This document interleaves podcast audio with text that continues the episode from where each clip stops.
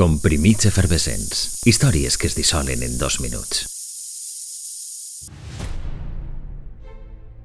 Ni fanals, ni bústies, ni números en les vivendes. Estan prohibits els llums de neó i els establiments de menjar ràpid. És la complicada i peculiar normativa municipal de Carmel Bay de Sí, un municipi assomat al Pacífic a 180 quilòmetres de San Francisco. Unes ordenances tan estrictes que animaren Clint Eastwood a presentar-se a les eleccions per a canviar les que no li convenien. Un 8 d'abril, Carmel by the Sea triava un alcalde de cine. I s'emportava el 72% dels vots, triplicant el resultat de Charlotte Townsend, l'aspirant a renovar el càrrec. Amb aquell resultat s'havien acabat les picabaralles entre els dos. El director de Gran Torino era el propietari d'un conegut restaurant de la localitat i a principis dels 80 va decidir que havia arribat el moment d'ampliar el negoci. Però topà de cara amb la restrictiva normativa municipal.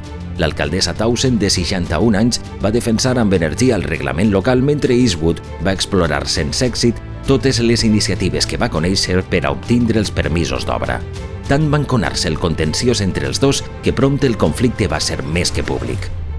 I és quan Eastwood va decidir que si no podia amb la normativa, la canviaria des de dins. Davall les sigles del Partit Republicà va presentar candidatura a l'alcaldia i, efectivament, el flamant alcalde modificaria les ordenances per a poder ampliar el negoci. Només estigué dos anys al capdavant del govern, els imprescindibles, des del 8 d'abril de 1986.